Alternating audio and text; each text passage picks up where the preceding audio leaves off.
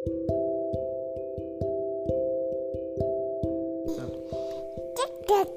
bilang assalamualaikum.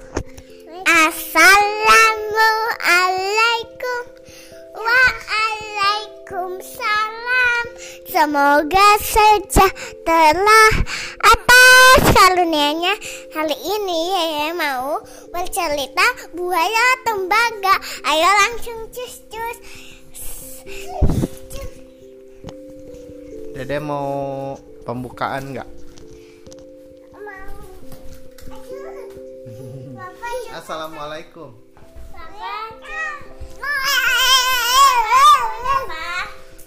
Oke, teman-teman. Cek cek cek. Assalamualaikum warahmatullahi wabarakatuh, teman-teman.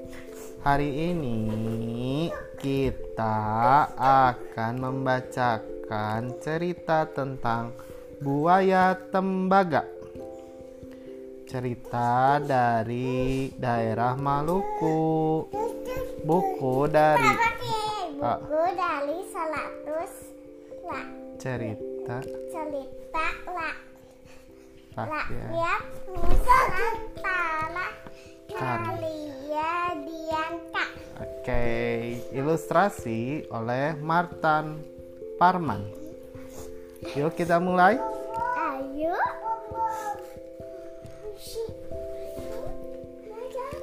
Dahulu di daerah Baguala. Oh, bom bom dulu, bom bom. mobil Mobil. Nabil mau diambilin mobil dulu. Itu sayang di pojok.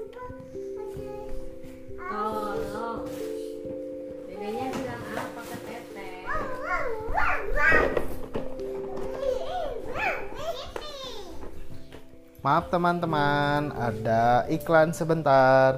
Kita mulai ya.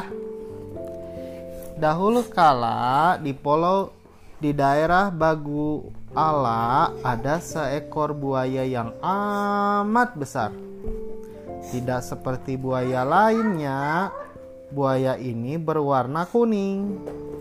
Penduduk setempat memanggilnya buaya tembaga.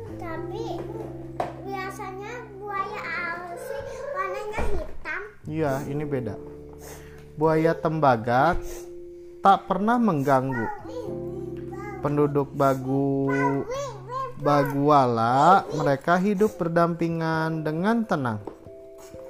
Buaya tembaga bahkan tak segan membantu para penduduk jika ada hal-hal mengganggu mereka. Dia juga baik terhadap semua binatang, baik yang hidup di darat maupun di laut. Suatu hari, para penghuni pantai selatan Pulau Buru Gelisah. Akhir-akhir ini ada ular besar bertengger di sebuah pohon mintagor. Ada ular. Pohon itu menjorok ke arah pantai sehingga ular itu leluasa mencaplok dan memangsa ikan-ikan di laut. Namun tak ada yang berani melawan ular itu. Mereka pun meminta pertolongan pada buaya tembaga. Hanya dia yang bisa mengusir ular itu, kata salah satu ikan. Para penghuni laut berbondong-bondong menemui buaya tembaga. Mereka menceritakan permasalahan yang terjadi.